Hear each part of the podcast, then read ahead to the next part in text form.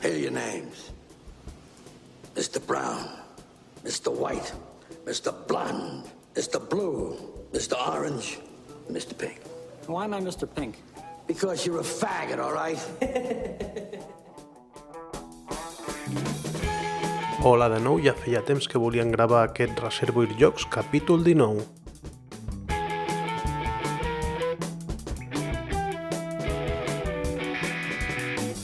M'agradaria començar agraint al Paco Gurney i també a, a la Tània i Renton del podcast Dies de Juego perquè van ser tan amables de passar pel seu podcast eh, l'últim àudio que tenien de, de les gravacions de d'Au Barcelona, el de la taula rodona de, de creadors de llocs.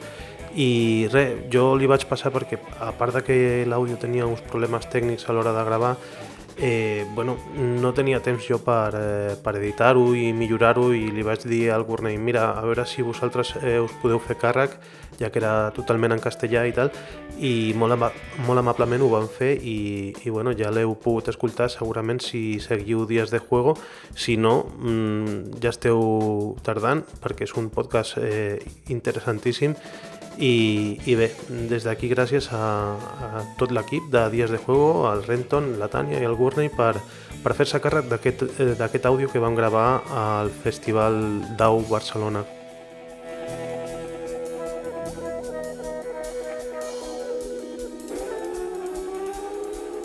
Us comento també que tenim novetats al, al podcast. Eh, una d'elles és que segurament els que esteu escoltant, els que esteu subscrits eh, a l'RSS i baixeu els capítols eh, cada vegada que surten, haureu vist que hi ha uns capítols que són molt curtets, d'uns 10-12 minuts, que es diuen Descobrint llocs. Aquests capítols, eh, igual us pregunteu, d'on surt això?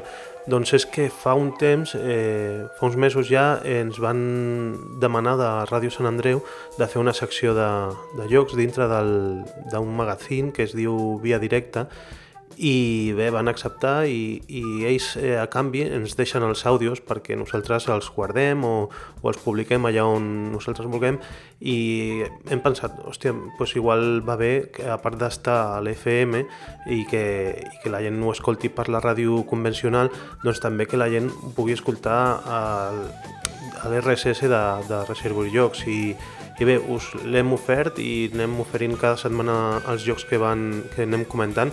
És, un, és una secció que no ens centrem en explicar els jocs perquè la ràdio té aquest problema i el podcast també, com ja sabreu que no es pot explicar exactament la mecànica ni, ni podem fer ressenyes ni res, eh, perquè és molt millor, per exemple, el format vídeo eh, o les fotos en un blog, per exemple, però sí que intentem buscar les curiositats, eh, eh, cosetes així que cridin l'atenció dels jocs, de, de diferents jocs, eh? Són, poden ser jocs introductoris com jocs una mica més, més complexos, no? I, I bé, això és el Descobrint Jocs, una secció que l'anirem barrejant amb, amb aquest podcast perquè també l'escolteu i de tant en tant eh, tingueu àudios, perquè si no és que entre que gravo i que gravo doncs eh, és massa complicat i així doncs, aneu tenint gairebé setmanalment eh, aquesta petita secció de Descobrint Jocs que segurament us agradarà, espero.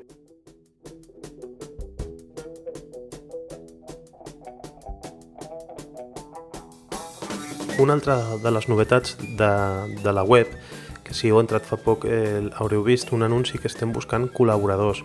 Una mena de celacanto particular pel Reservoir Jocs, ja sé que salvant les distàncies no podrà ser igual, eh, malauradament, però sí que estem buscant un, un col·laborador o una col·laboradora per fer una petita secció on, on es parli de jocs de taula o, o d'un àmbit dintre dels jocs de taula eh, en aquest podcast. Eh, vosaltres eh, igual teniu alguna idea i si la voleu compartir i difondre-la dintre d'aquest mitjà, doncs teniu les portes obertes.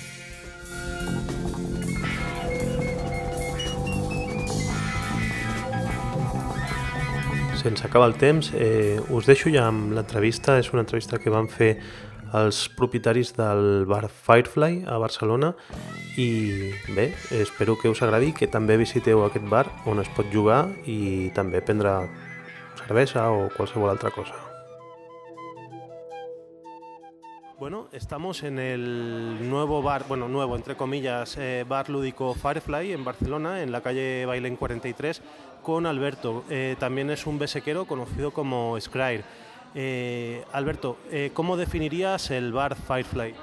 Bueno, a ver, la idea del Bar Firefly es eh, un lugar donde la gente que tiene como, como afición los juegos de mesa pueda venir a jugar tranquilamente sin ningún tipo de problema, dando la máxima facilidad de horario y, de, y teniendo también una ludoteca a la que tengan acceso. La, ludoteca que tenéis en el bar, eh, ¿de cuántos títulos consta más o menos? Aproximadamente así, no lo tengo, no lo tengo contabilizado, pero unos 25 o 30 juegos, o puede incluso lleguemos a 40 juegos. ¿Y la tipología de, de estos juegos, tú como besequero, qué la definirías para un jugón? Eh, para gente que no, no jugona y que a lo mejor empieza, files, ¿qué tienes? Mm, a ver, la idea es tener un poquito de todo. Mm, juegos duros y fillers, porque normalmente suele ocurrir que la gente empieza con fillers y suele pedir un poquito, de, un poquito más complicado, un poquito más de nivel o alguna temática en concreto. Entonces intentamos intentar tener una ludoteca más que pensando para gente iniciada, para gente de todos los niveles. Es decir, que venga gente que pueda jugar un Arkham Horror y gente que pueda jugar un Bank, simplemente. ¿Y estáis haciendo actividades para, para, captar público, para que la gente descubra los juegos o son actividades más a lo mejor que estáis ofreciendo a clubes o a grupos de juego? En principio hemos abierto para que cualquier club, asociación o grupo que quiera organizar cualquier cosa tenga mm, disponibilidad y pueda hacerlo. Pero aparte intentamos, eh, nos hemos encontrado como, como experiencia que los grupos de juego suelen tener problemas con los juegos complicados, es decir, no tienen, suelen tener tiempo o mm, los reglamentos son demasiado opacos o espesos para, para ellos y eh, intentamos eh, explicar los juegos complicados. Entonces, eh, como actividad del bar, algunas tardes, entre semana, explicamos los juegos, hacemos partidas, digamos, guiadas de los juegos que más o menos son un poquito más complejos, incluso algunos que no están en la carta de, juegos, juegos que tenemos nosotros pero que no están en la carta para, para el público. Eh, ¿Cómo estáis viendo? Porque eh, ¿desde qué día abristeis? Estamos abiertos desde mediados de noviembre.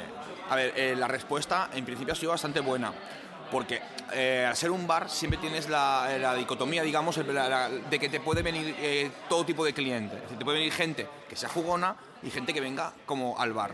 Pero eh, la sorpresa es que la mayoría de la gente, como mm, de hecho ahora mismo puede verse en el local, si, pudiese, si pudiésemos verlo, está jugando.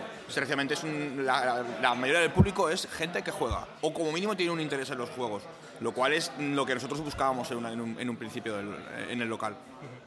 Hay eh, iniciativas a nivel europeo de bares lúdicos y tal.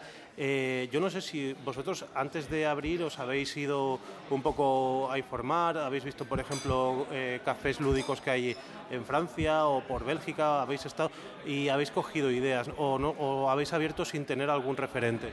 Nosotros hemos cogido como, como guía lo que ya hay en Barcelona.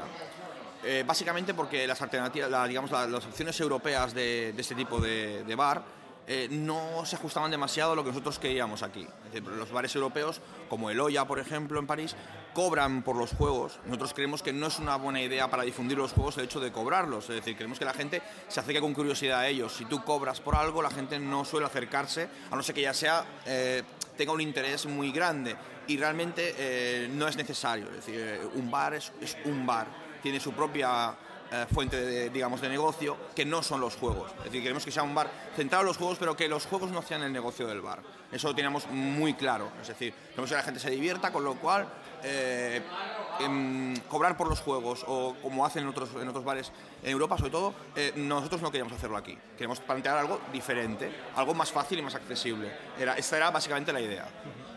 Eh, vemos, por ejemplo, la decoración es muy chula. Tenemos aquí personajes de la Guerra de las Galaxias, de Mad Max, por ejemplo. Eh, esto, por ejemplo, la decoración ha sido idea vuestra, quizá llama a un público más friki o no, o gusta a todos los públicos.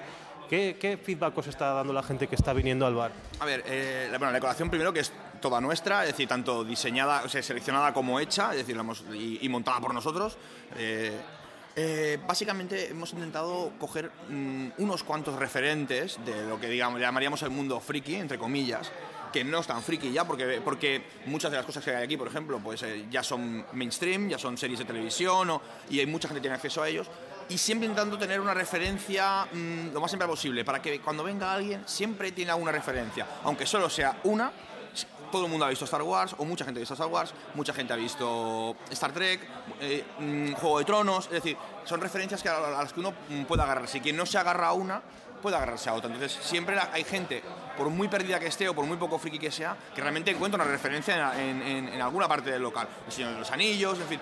Eh, hemos eh, ido a, a los referentes, mm, básicamente también es para nosotros, es decir, son nuestros referentes más que pensados para el público. Pero entendemos que son el referente también de muchísima gente que, lo- que realmente viene y se sorprende de, de- del, digamos, de la decoración. Eh, a ver, hemos hablado un poco de la decoración, pero tam- eh, para que la gente, como no lo puede ver, para que la gente sepa, eh, es un local grande. O sea, eh, hemos hablado de 40 juegos. ¿Cuántos metros cuadrados tenéis? Y luego también de- del- del catálogo, eh, ¿nos puedes decir algunos juegos? Mira, eh, el local tiene aproximadamente unos eh, 120 metros cuadrados, tenemos 13 mesas eh, normales a disposición del público. Y, por ejemplo, tenemos eh, eh, juegos eh, un poquito más, eh, lo que son eh, los grandes clásicos, por ejemplo, el Agrícola, Puerto Rico, eh, tenemos el, el Battlestar Galactica, tenemos Arkham Horror, eh, yéndonos al otro extremo, tenemos Bank, tenemos Ciudadelas, a nivel de fillers, no sé, eh, lo más, digamos, más común con alguna rareza que nos hemos permitido como capricho, como tener un Furia de Drácula que está descatalogado, por ejemplo, por puro, digamos, capricho de, de- del- de la gente de, aquí del local. La- la- los métodos de difusión, eh, tenéis una página web, eh, estáis también tocando algo en redes sociales y, y también utilizas la BSK. ¿Cómo, ¿Cómo está funcionando? ¿Qué crees que es lo que más te está aportando público? Bueno, eh, básicamente lo que más eh, público aporta es la BSK. Es decir, la BSK, no solamente la gente que ya es, eh, digamos, colabora en la BSK, sino la gente que ve la BSK y no colabora, como ha sido, por ejemplo, mi caso hasta hace relativo poco tiempo. Hay muchísima gente que mira el foro, es el foro más importante de, de juegos de mesa de España, eh, creo que esto es indudable, tiene conexión con muchos blogs y muchísima gente llega. No estamos en una, una posición privilegiada en la BSK porque estamos en una sección muy pequeñita y mucha gente no nos conoce, pero la gente de Barcelona y la gente que suele venir eh, o, son, o nos han visto en la BSK o simplemente son, directamente son besequeros. Con lo cual, es- esta es una. La segunda más importante es eh, a través de la visión directa. Es decir, estamos en una zona o cercanos a una zona bastante privilegiada muchísima gente pasa por aquí y lo ve. Hemos diseñado también una entrada, que es la entrada de los juegos, la que tiene la- para que llame un poco la atención desde fuera. Y muchísima gente que va y viene por la zona nos ve. También es una, es una importante. Eh, las redes sociales aún no me atrevería a decir cuál es la- la- el alcance, digamos, de la red social. eh, a, un- a nivel de un negocio tan local como es un bar, es difícil de evaluar. Sí que eh, hay much- muchísima gente, incluso viene gente eh, desde. tenemos reservas incluso desde Alemania, que nos han reservado mesas para venir aquí desde fuera, pero aún no, aún no sabría decirte mm, qué nivel de, de incidencia tenemos en, la- en- en- en, por ejemplo, en Facebook. O sea, decirte si es. eh, porque básicamente lo que, podemos, lo que nosotros tocamos y podemos ver es la gente que viene y dice: Yo soy de la BSK, yo vengo de la BSK, yo conozco. Yo os he visto en la BSK y tal. Es- Esto es O yo pasé por aquí os vi me quedé. Ha pasado mucha gente que ha venido, incluso fuera de los horarios normales de funcionamiento, por las mañanas, cuando solo abrimos para los proveedores y tal, que ha venido y se ha quedado en repartidores de, bebidas que vienen y se quedan con el local porque aunque no les gusten los juegos de mesa, sí les atrae la decoración. En fin, esto es, eh, básicamente las dos son la visión directa y lo que sería la, la BSK, básicamente. Eh, hemos dicho que estáis en Bailén 43.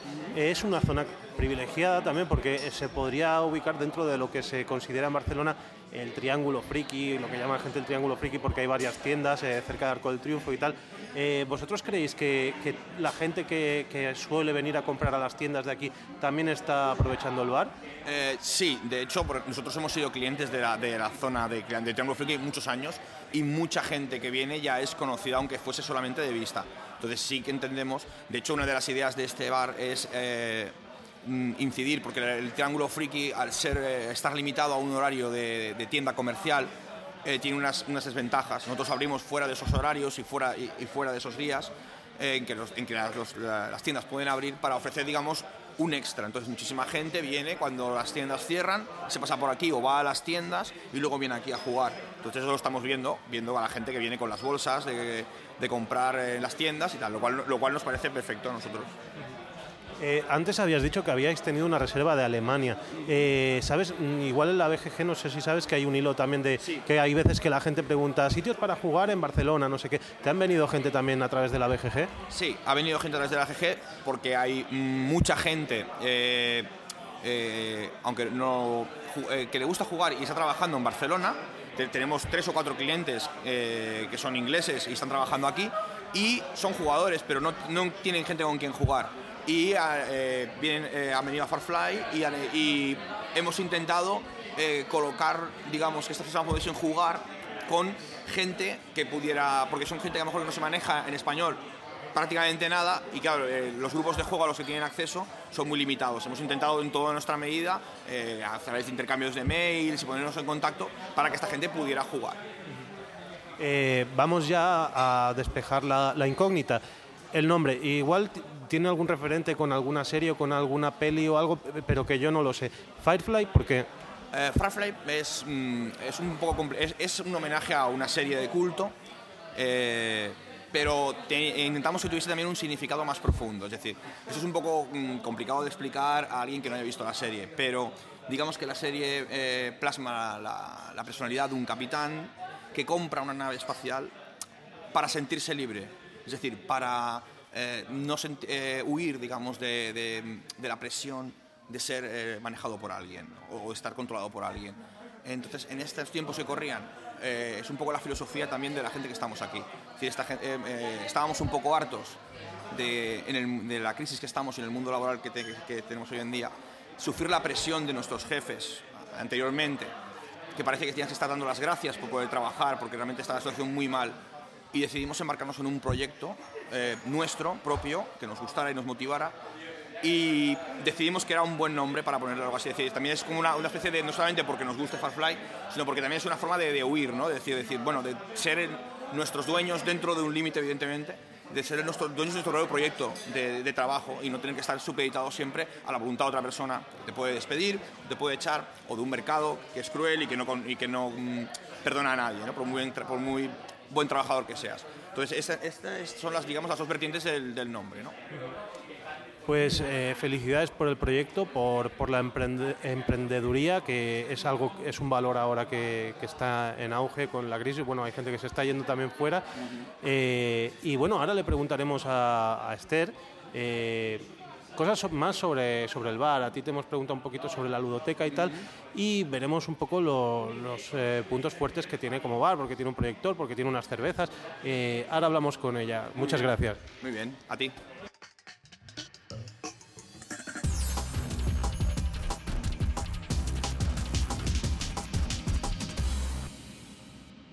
Bé, ja, ja hem parlat amb, amb l'Alberto i ara parlem amb, amb l'altra part, amb el complement de, del bar, que és l'Ester. Amb ella parlarem una mica més del bar, perquè clar, heu conegut eh, el Firefly dels jocs, però ara coneixereu una mica el que podeu trobar aquí a part dels jocs, no? I primer començarem una mica amb les cerveses, que a mi em tenen robat el cor algunes marques com aquesta que tenim aquí. Eh, Explica'ns una mica la carta de, de cerveses que disposeu aquí al bar. A veure, eh, aquí en el bar el que hem fet, hem intentat tenir una miqueta de tot, no? Les cerveses en principi tampoc no són una gran eh, cosa molt estranya, molt extravagant, sinó que són les més habituals, les més conegudes, potser, eh, però també eh, una miqueta les que m'agraden a mi, no? que la, després d'haver-les provades eh, poder fer una selecció una miqueta doncs, coherent. En tenim de més suaus, com una Quilmes, com una Coronitas, perquè sempre hi ha qui no li tiren massa les cerveses fortes.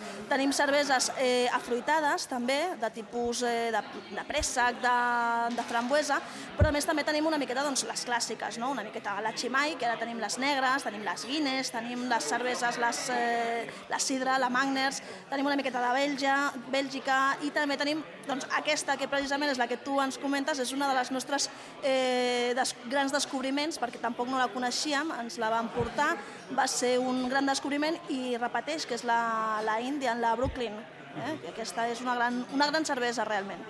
És una cervesa que té, que té una mica d'història. Eh, no sé si... Bueno, vosaltres l'heu explicat o jo no sé si l'he llegit, que, bueno, que, té, que, que era dels soldats, no sé què... Ah, exactament. En principi aquesta cervesa és la cervesa que es feia, a veure si jo ho, dic, ho sé dir-ho bé, perquè tinc una mica a la memòria així una mica tutinada, però és una cervesa que en principi és la que es prenien els anglesos quan eh, van fer doncs, eh, la cervesa que prenien quan estaven fent la creuada de les Índies, no recordo malament.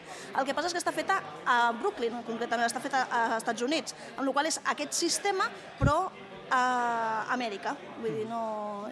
És una cervesa que en principi inclús sí, sí que vam veure un reportatge que es va fer-se recentment també, precisament d'aquesta marca, i en fan diversos, eh, diversos tipus, i realment és el que diem, dintre de les varietats és una cervesa bastant interessant, sí. Sí, a mi m'agrada molt perquè té un gust eh, especial, té com d'espècies i no sé, és, és, molt, és molt guai. Eh, després, eh, parlem, hem parlat una mica de la beguda. Eh, bueno, abans de, abans de canviar, eh, també teniu unes cerveses eh, amb, una, amb un etiquetatge especial, no?, que, que crida una mica l'atenció. Com és això? Això és, no, això és simplement... Eh, quan vam nosaltres iniciar el tema del, del local, volíem fer una miqueta de decoració i vam trobar doncs, el que serien les eh, etiquetes del de, que serien cerveses de Joc de Trons, del, de la sèrie, i de totes les cases, la Tuli, la, eh, bueno, totes Greyjoy, etc. Ens va fer molta gràcia, vam buscar entre les nostres ampolles eh, alguna cosa original i les hem posades a, a nivell decoratiu. Eh, realment sí que és veritat que criden molt l'atenció, la gent sempre ve i ens les demana i els hem d'aclarir doncs, que aquestes cerveses no existeixen, però simplement doncs, això criden l'atenció, són bueno, una, una mica un complement més de la decoració nostra. A mi em va passar, eh? jo vaig entrar i vaig dir vull una d'aquestes i em diuen no, no, això és de la ficció, és de Juego de Tronos. Totalment, sí. Bueno, parlem ara també eh, una mica de... Bueno, teniu un projector, eh, mm, clar, eh, l'esteu utilitzant, ara mateix teniu posada la, la MTV, però igual també poseu futbol, o bueno, no sé, no sé, no sé com ho combineu. Aquest projector li traieu suc o què? A veure, en principi el projector ja venia una miqueta amb el local. L'únic que estem fent nosaltres és una miqueta donar-li sentit a, a tenir-lo. Ja que el tenim, doncs mira, el fem servir. Eh, nosaltres no som massa futboleros, però el nostre públic doncs, sí que ho és. Llavors, doncs, eh, quan ens demanen, sobretot el Barça, sí que els posem. Altres partits, de moment, no se'ns estan demanant, amb la qual doncs, mm, resta pagat o, o resta, doncs, això és una mica de part música que altres eh, coses, i se'ns estan proposant de fer doncs, determinats eh, cicles de cinema i coses així, però de moment tot això està en estudi. Uh -huh. Eh, o sigui, quan juga el Barça, aquí tothom deixa de, de jugar i es posa a mirar el futbol, no? Bé, hi ha una gran part que sí que deixa de, de jugar i fa futbol, i altres que ens diuen m'alegro molt, però jo me'n vaig. sí, entre, entre de, tots, de tot n'hi ha, no? no? Hi ha gent que tampoc no li agrada massa el futbol, però es posen en el racó, que tenim menys visibilitat, i juguen. Uh -huh. O sigui. Bueno, suposo que igual que teniu els clients futboleros, també teniu els que venen pel matí a esmorzar, que igual no, no són jugadors i, i descobreixen una mica això. Tu com els expliques el projecte? A veure, quan eh, hi ha molta gent, molt, molt project, o sigui, molta gent casual que passa per aquí, eh, li sobta. De fet, també inclús eh, aquest bar ja existia, amb el qual doncs, ve molta gent pensant-se que és l'antiga Tapilla Sixtina, que és on està abans ubicat, però eh, clar, se'ls explica simplement això, doncs, que actualment que nosaltres som els amos, que el projecte nostre doncs, és eh, per jocs de taula, però evidentment no fem fora ningú. Vull dir, tothom que vingui a fer una copa o, una, o un esmorzar o un entrepà doncs, té la benvinguda assegurada. Eh? Eh, tam també hi ha gent que no és jugadora, però quan ve o quan ha vingut eh, li crida l'atenció i intenta provar algun joc i se'ls explica, se'ls dona una bona acollida i intentem doncs, una miqueta doncs, portar-los a la nostra banda. Hem parlat de, de la beguda, però ara parlem una mica del halà, perquè també teniu coses eh, interessants, diferents. Teniu entrepans eh, amb, nom, amb noms una mica extravagants. Eh, tu que ets, estàs una mica també a la cuina, què, què ens pots dir d'això? A veure, eh, en principi vam, vam procurar de, de fer una carta d'entrepans normals i eh, el anirem ampliant. Però entre ells doncs, el que sí que vam fer va ser posar eh, una amb el nostre nom, no? que és el Farfly i aquest és un entrepà doncs, que té molta sortida, la veritat és que crida molt l'atenció la gent pel nom, però a més un cop el proven doncs, sembla ser que és la bomba. Llavors la gent li agrada i és un entrepà, doncs, no té res... Eh, bueno, deixarem el secret perquè vinguin a provar-ho, no els explicarem, però realment és un, un gust una miqueta diferent, perquè té una miqueta de salsa de mostassa i d'allò, i, i està força, força bé. Força... Sense explicar uh, l'ingredient secret, què porta més o menys aquest entrepà Firefly? Aquest entrepà el que porta simplement és la salsa de mostassa, eh, porta eh, enciam, porta llom o pollastre a triar pel, pel client, formatge i eh, ceba cruixent. I la mà del, del cuiner, evidentment. Bueno, I del que més sortida està tenint, eh, què feu més? Feu cafès, feu cerveses, feu refresc eh, i d'entrepans què surt més? A veure, en principi, com dèiem, l'entrapa estrella és el Farfly. Ja sigui de llom o de pollastre, doncs sí, és el que més ens demanen.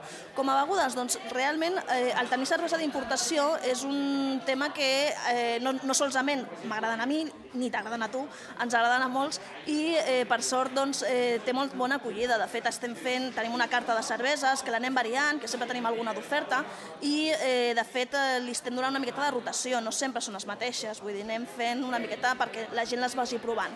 Eh, a part d'això, doncs, evidentment, com que tenim molt de jovent, doncs, els refrescos doncs, surten molt, i cafès, cafès també, ara a l'hivern, doncs, a dojo.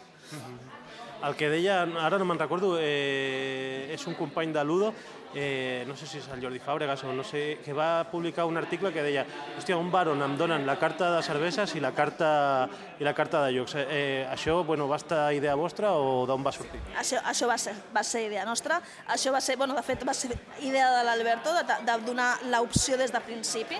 Eh, els tenim els jocs a l'exposició, evidentment, però per poder mm, que la gent pugui triar correctament un joc, doncs no, la caixa és molt maca, però clar, no dona informació. Llavors doncs, vam eh, decidir fer aquesta carta de jocs en la qual doncs, explicàvem doncs, durada, número de jugadors, tipus de joc, eh, una miqueta explicació de la temàtica i realment doncs, eh, és una cosa que crida l'atenció, tant com la de cerveses, i realment doncs, eh, dona molt, molt joc i ens, ens agrada, l'anem renovant també, anem ampliant-la i, bueno, i en principi doncs, eh, el que diem són les tres cartes bàsiques nostres que sempre ens van demanant.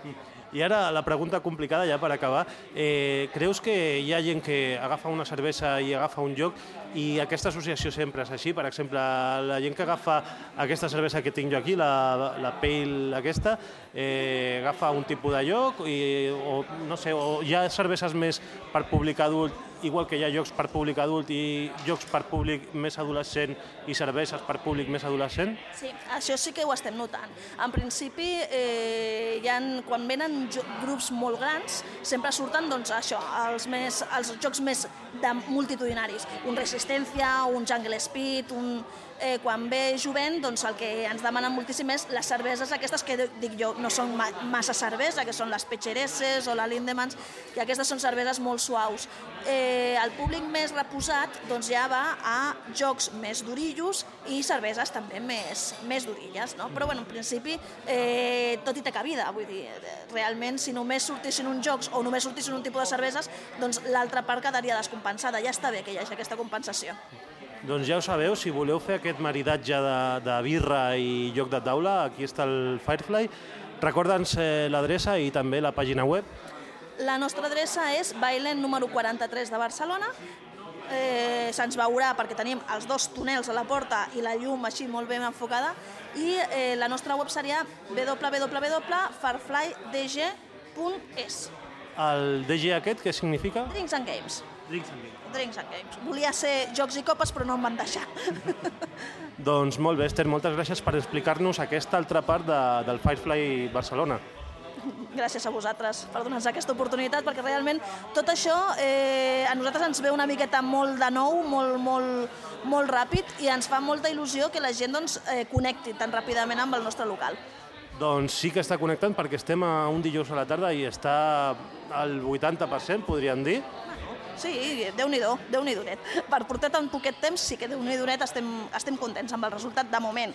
Però si pot ser millor, doncs millor, evidentment. Doncs felicitats. Gràcies a vosaltres.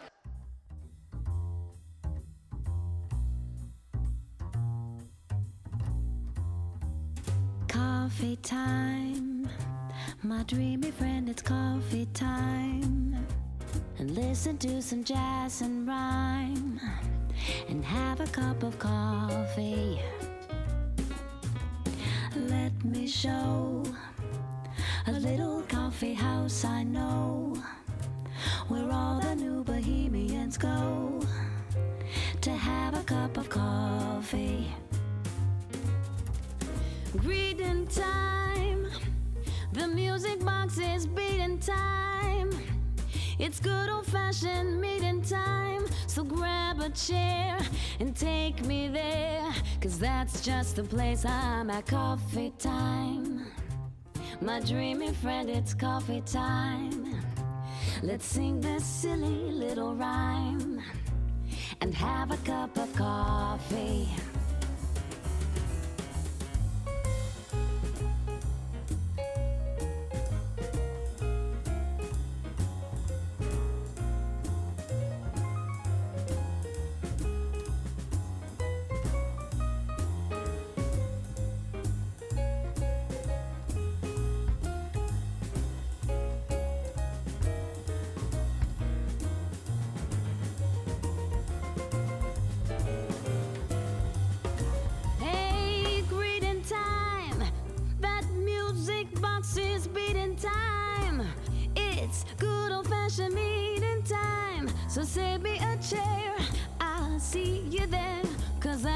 That's the place that I'm at. Coffee time.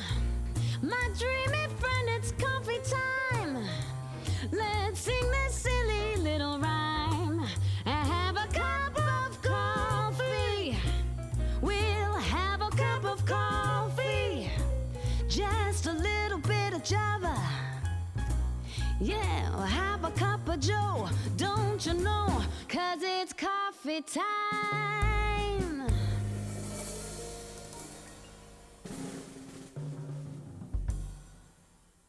Hola, Neida. Mm, T'agrada la cançoneta de, de la Nicole Collas, del Coffee Time? Bueno, no està malament. Bueno, eh, l'hem posat perquè de tant en tant no, se m'acaba d'ocórrer fer una seccioneta de, que es digui Coffee Time, per exemple, que prenent un cafè eh, xerrem de llocs o de cosetes així que hàgim trobat interessants de, del món lúdic, no? I, I bé, avui parlarem una mica de, de Rudiger Dorn, d'un autor de jocs que hem estat jugant. A quins jocs hem jugat darrerament d'aquest autor? El Dragonheart i Robert Knights. Bueno, sí. Eh, et poso sucre? Eh, no, no, no em cal, merci. Vale. Bueno, doncs això, eh, per què parlem de, de Rudiger Dorn? Doncs, eh, bueno, perquè, perquè hem estat jugant aquests dos jocs. Eh, Dragonheart és un joc de, per dos jugadors, de cartes, eh, i el Robert Knights és un joc de dos a quatre jugadors, eh, que és de, de rajoletes, de losetes, de... I, i bueno, sobretot eh, jo volia parlar amb tu d'això perquè m'he trobat jo una, una llista a la, a la BGG que, que és una llista que a mi m'agrada molt que es diu Games That Fire eh, Other Games o bueno, que uh -huh. no sé si ho he dit bé, com seria No, no. bueno, això, no? Jocs que... jocs que... que han matat o que han disparat bueno, Fire no sé com es traduiria però jocs que reemplacen altres jocs en Exacte. definitiva Uh -huh. i hi ha un usuari que, que diu que aquest Dragonheart, que és eh, un dels dos jocs que, que tenim aquí davant, que al ser de cartes i de dos jugadors que li ha substituït bastant el, el joc del Nícia a l'Exploradores, també conegut com a Los Cities, no? Uh -huh. I, i després hi ha un comentari que li fan a aquest, a aquest usuari i diu que és un usuari txec que li contesta i diu que, que el joc, eh, que el Dragonheart, que té per ell aproximadament un 75% de, de sort, d'atzar, i un 25% d'estratègia o skill, ell diu skill, habilitat, Habilitat, sí, eh? sí, bueno, i que en canvi el, el del Nícia, l'Exploradores, té per ell un 50-50, no? que, que està més Mhm. balanceat el tema de, de la sort i, i l'habilitat. O, bueno, Uh -huh. mm. I llavors prefereixen los cities, diu. Ell diu que per ell és eh, molt millor el Lost City justament per, per això, per, per aquest Mhm. mm, balanç de sort i, i habilitat o traça que has de tenir a l'hora de jugar. Uh -huh. El, el, el noi que diu que, que el Dragonheart li ha substituït el, a l'Exploradores diu que, que, bueno, que de, tampoc ha de fer tants càlculs perquè l'Exploradores... Jo l'he jugat molt a, a, a l'iPod. Eh, tu penso que el vas provar... A... El vaig provar a les Homínidos, Sí, però només he, he jugat aquella, aquella partida amb tu. I la veritat és que no em va agradar gaire, però uh -huh. tampoc puc parlar gaire, perquè el vaig jugar un cop i prou. Mm I aquest, en canvi, el Dragonheart sí que m'ha agradat. I sí que és veritat que jo no sóc de... Vull dir, a mi m'agraden els jocs d'estratègia, no? no... Mhm. Però també de tant en tant, doncs, no m'importa jugar a jocs en què entri més... Eh, bueno, que tingui... La sort, no? Sí. Sí, és clar, Sí. perquè tu La jugues veritat a... és que aquest, aquest joc m'ha agradat i, i sí, sí que té molta sort, sí que pots decidir algunes coses, no? Pots tenir una miqueta d'estratègia, però, bueno, depèn de quines cartes et toquin, no? Doncs pots fer unes coses o unes altres. Però m'ha agradat. Mm. Sí, a veure, expliquem una mica com és el joc. El Dragonheart és un joc que es, es posiciona al tauler al centre de, de la taula i els jugadors mm, tenen una, una pila, cadascú una pila de cartes. Eh, es roben cinc cartes i es juga amb això i després vas col·locant eh, cartes a sobre del tauler en diferents posicions i eh, això eh, et dispararà uns efectes que, que et permeten robar d'altres cartes sobretot i fer, bueno, fer algunes cosetes i aquestes cartes et donaran punts al final de la partida. eh, cosa que passa amb aquest joc que primer que, que la puntuació pot, pot ser molt diferenciada, no? No, no és tan justa, és que està molt guai comparar el Dragonheart amb el Robert Knights perquè justament són els mateixos dissenyador de joc, el Rudiger Dorn i il·lustradors, el Michael Menzel. I són jocs completament diferents Sí, en, en, sí, sí. en tot. Eh, mecàniques, tot, tot diferent. I el que trobem és que el Robert Knights sí, és un joc mm, molt... que la sort està molt minimitzada Mhm. i les puntuacions també queden molt més equilibrades Properes, cap, a, sí. cap al final de la partida. Mhm. Eh, però bé, no sé, el, el Dragonheart té això. Eh, La gràcia del Dragonheart és que les instruccions te les expliquen i sembla que cada jugador tingui un objectiu asimètric, perquè diu que uns eh, intentaran despertar el drac petrificat Mhm. i l'altre jugador intentarà que, que eh, es mantingui adormit, no? I dius, hòstia, seran, seran piles de cartes asimètriques, un tindrà... No, però són exactament iguals. O sigui que la simetria és només a les instruccions i, i bueno, al tema. Eh, però Sí, realment... però quan jugues ni t'ha... No, Vull no, dir, no. jo no sé si he jugat d'una cosa o de l'altra. Sí, sí, jo tampoc. Realment és que és una, una I tonteria. trobo que, per, que és un joc molt fàcil també d'explicar. No Sí. cal que expliquis això. L'únic que has d'explicar és, és com es juga Sí, sí, la, ja la mecànica, I... però bueno, que a mi m'agrada mirar una mica la història del joc, Sí, no? sí, i, i els, el disseny i tot, doncs mira, és, és Mm. maco. Jo no sóc gaire de, de temes així de fantasia, però, però bueno, els dibuixos i tal Mm-hmm. estan bé. I és això, crec que, que és un joc fàcil d'això d'explicar i de jugar amb gent que, que, que no jugui gaire i que li pot agradar, doncs, Mm. per El, introduir... el Robert Knights no és que sigui un joc molt més dur, o sigui, és molt fàcil d'explicar. De fet, el vam jugar a 3. Sí, és amb més el- fàcil d'explicar, però és més difícil de jugar bé, no? Exacte, Tem- és, sí, sí, sí, bueno. sí, sí, sí, és el que tu dius. El vam jugar amb, amb el meu cosí, Clar, que Que té- 9 anys. sí, i el va, bueno, el va agafar Clar, bé. si el va agafar bé, però potser no va poder tenir, no? No va jugar amb gaire estratègia. Que sí que és veritat que potser si el juguen uns quants cops Mhm. ja li hagués agafat una mica més el truquillo. la que... corba d'aprenentatge que possiblement té i que el Dragonheart no té. Jo el que deia, jo he contestat en aquest fil de la, de la BGG, Mhm. mm, que el Dragonheart és un joc que té el seu moment i el seu públic, no? Mm, és un joc per mm, relaxar-te, jugar Mm, sense, sí.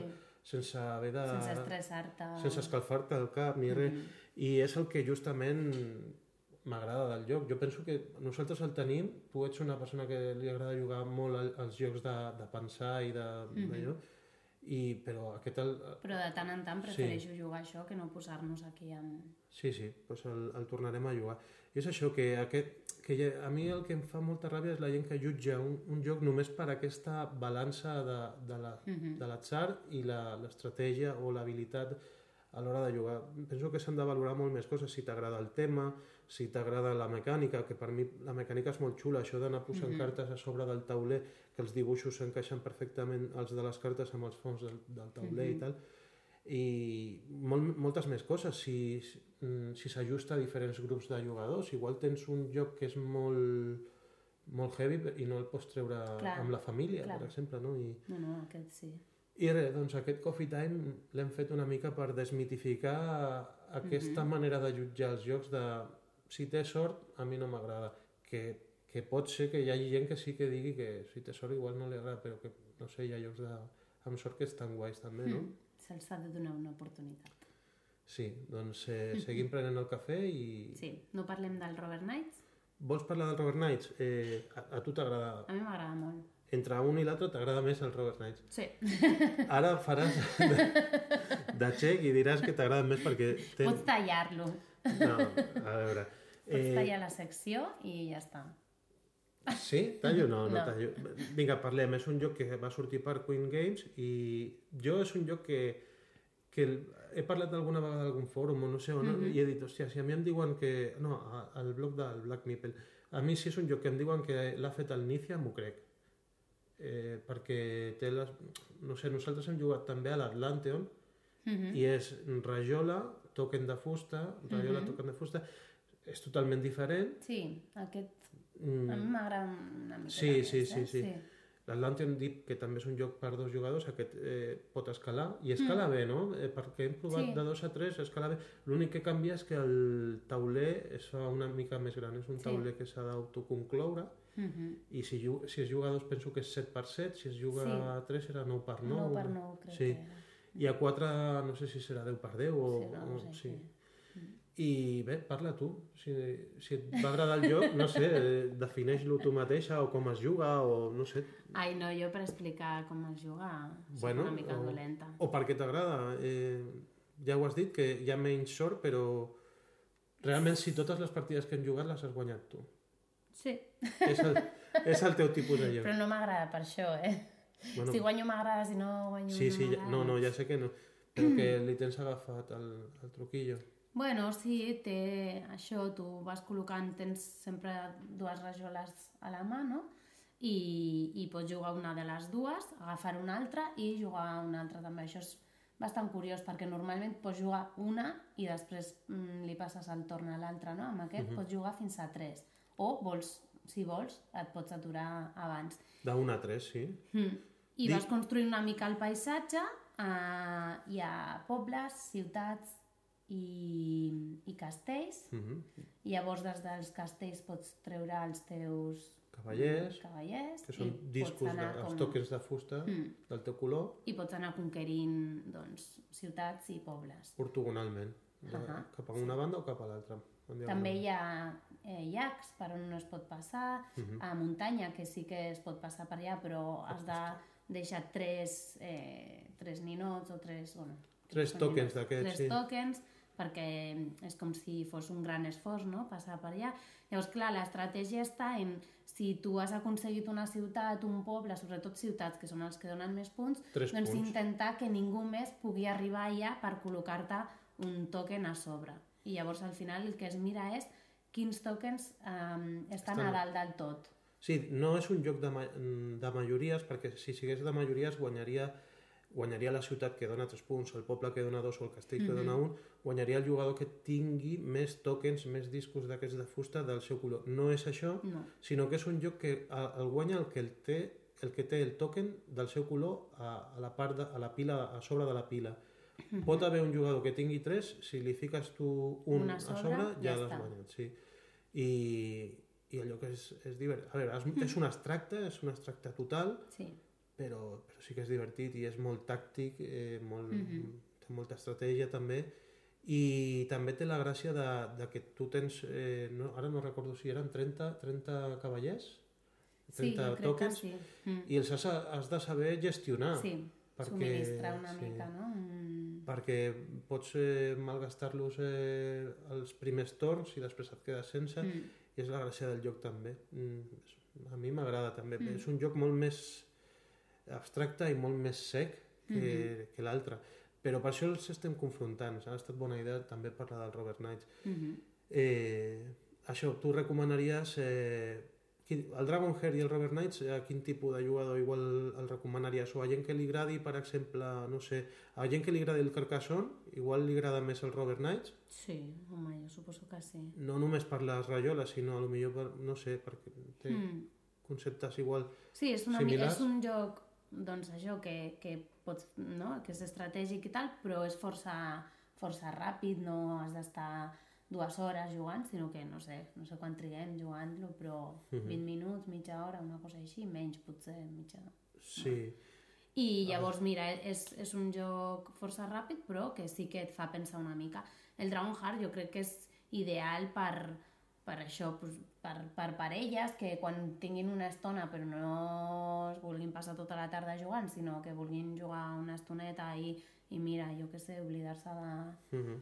de, de l'estrès o de, de Sí. les preocupacions, doncs mira, passes l'estona i per, per gent que no juga gaire, doncs... Sí, pot també estar bé, també, sí. bé, La, la pega, per, per exemple, per mi és, Mm. el, és molt més portàtil el Robert Knights, perquè només has de portar les, les rajoletes i els tokens Mhm. eh, dintre d'un- d'una bosseta de tela o el que sigui, te'l pots portar allà on vulguis, que no el Dragonheart. El Dragonheart porta el tauler, si només siguessin les cartes, doncs... Eh, Però ja vas dir, no?, que hi ha gent que, Sí. que només, que ja saben tan bé com va, no? Si poso dues d'aquestes em puc agafar d'aquest Mm. altre, i hi ha gent que ja, si ja coneixes una mica les normes, mm, eh, pots agafar només les cartes i deixar el tauler. Que Sí, per però- nosaltres és maco i per ensenyar a la gent i Sí. tal és molt millor, però si te'l vols portar de vacances, podem dir que el tauler és una guia de joc sí. eh, que durant les primeres partides sí que necessitaràs Sí, sí, sí, sí, sí. o sí. Però igual quan, quan ja tens unes quantes partides al darrere, igual sí que recordant una mica com funciona no et fa falta portar-t'ho. No. Però en un principi sí que jo crec que sí que és necessari. I a part que és que dona goig veure tot el, Mm. el paisatge de, amb, amb els nans, amb, els, amb el troll i tal. I bueno, és un tema fantàstic, eh, l'altre és un tema més de cavalleria i tal, però que pot entrar bé a, a qualsevol edat i... Hmm. Sí, sí, sí. Bueno, sí, aquest, el Dragonheart, a la BGG té fama de que és un joc que per parelles, o sigui, que, que a les dones... Clar, al ser de Mm. dues persones i ser força fàcil així que no hagis de pensar gaire i tal, doncs... Però, bueno, directament han posat eh, Favorite Wife, o sigui, de, de, Per jugar amb, amb, la, amb la dona. La dona. Sí. Eh, bueno, És la preocupació de molts Sí. jugons, no? sí, sí, sí. Un joc que pugui agradar a la, Bueno, a pues la sí, és això, si voleu enganxar la vostra dona perquè jugui a jocs de taula, el Mhm. Dragon Heart, que aquí a Europa també s'està venent com a en alemany, Drachen, Drachen, bueno, no sé com es diu. Draken, sí. idiomes... Bueno, però que si el busqueu a la BGG, Rudiger Dorn, eh, Dragon Heart, surten el, els dos idiomes i, Mhm. i no sé, és inde totalment independent de, de l'idioma, igual que el Robert Knights, o sigui que si el compreu, el Robert Knights també té un nom en alemany que és impronunciable, o sigui que si el compreu en un idioma o l'altre el podreu jugar perfectament perquè no, no tenen... Ah, una cosa, del Robert Knights dic que les rajoletes, que és un detall important, eh, venen per l'altra cara, eh, tenen unes lletres A, B, C i D, i està guai perquè... La E, no? I la E, sí, sí, arriba fins la E. Està guai perquè a tothom, quan el juga, els hi va sortint... El... mm, O sigui, li surt la, la mateixa combinació de, de rajoles, però igual en diferent ordre. Però Sí, tothom però- al final acabarà jugant primer les 4 A's, les 4 B's, les 4 Sí, C's... llavors no et passa que et surten ah, tots els castells al, al principi i la resta després, una cosa així, no? Que van de, de 5 o 6, no? No sé, en la A crec que hi ha 4, però en la B Sí, ja sí, sí. crec que hi ha com 5 rajoles, una cosa així. Sí, i aquest sistema eh, jo crec que bueno, li dona una mica més de, de voltes al que, al que és el Carcassonne. Jo he jugat molt al Carcassonne, campionats i tot, i a mi el que no m'agrada del Carcassonne és que és, al final, quan trobes una persona que el sap jugar molt, a vegades pot arribar a ser molt depenent de, de l'última jugada que robis la peça que et fa falta per puntuar i que no puntuï l'altra. Eh, mm, depèn, al final et dones Tu compte... pateixes molt que, que, no, que no et surt eh, Sí, la que tu vols, Depèn no? de, del que robes. I aquí el, està sempre jugant amb dues rajoles a la mà i tenir la possibilitat de jugar fins a tres torns... eh, I te, sabent que van per A, B, C, D, Exacte, sí. estan eh, equilibrats. controles molt més el, el tema. I en això, si us agrada més el control, Robert Knight. Si us agrada provar un joc que no sigui tan controlable però que sigui mm, plaent de jugar doncs també teniu el Dragonheart del mateix eh, autor, Rudiger Dor el, i dels mateixos dissenyadors del, del Michael Menzel, del il·lustrador vull dir.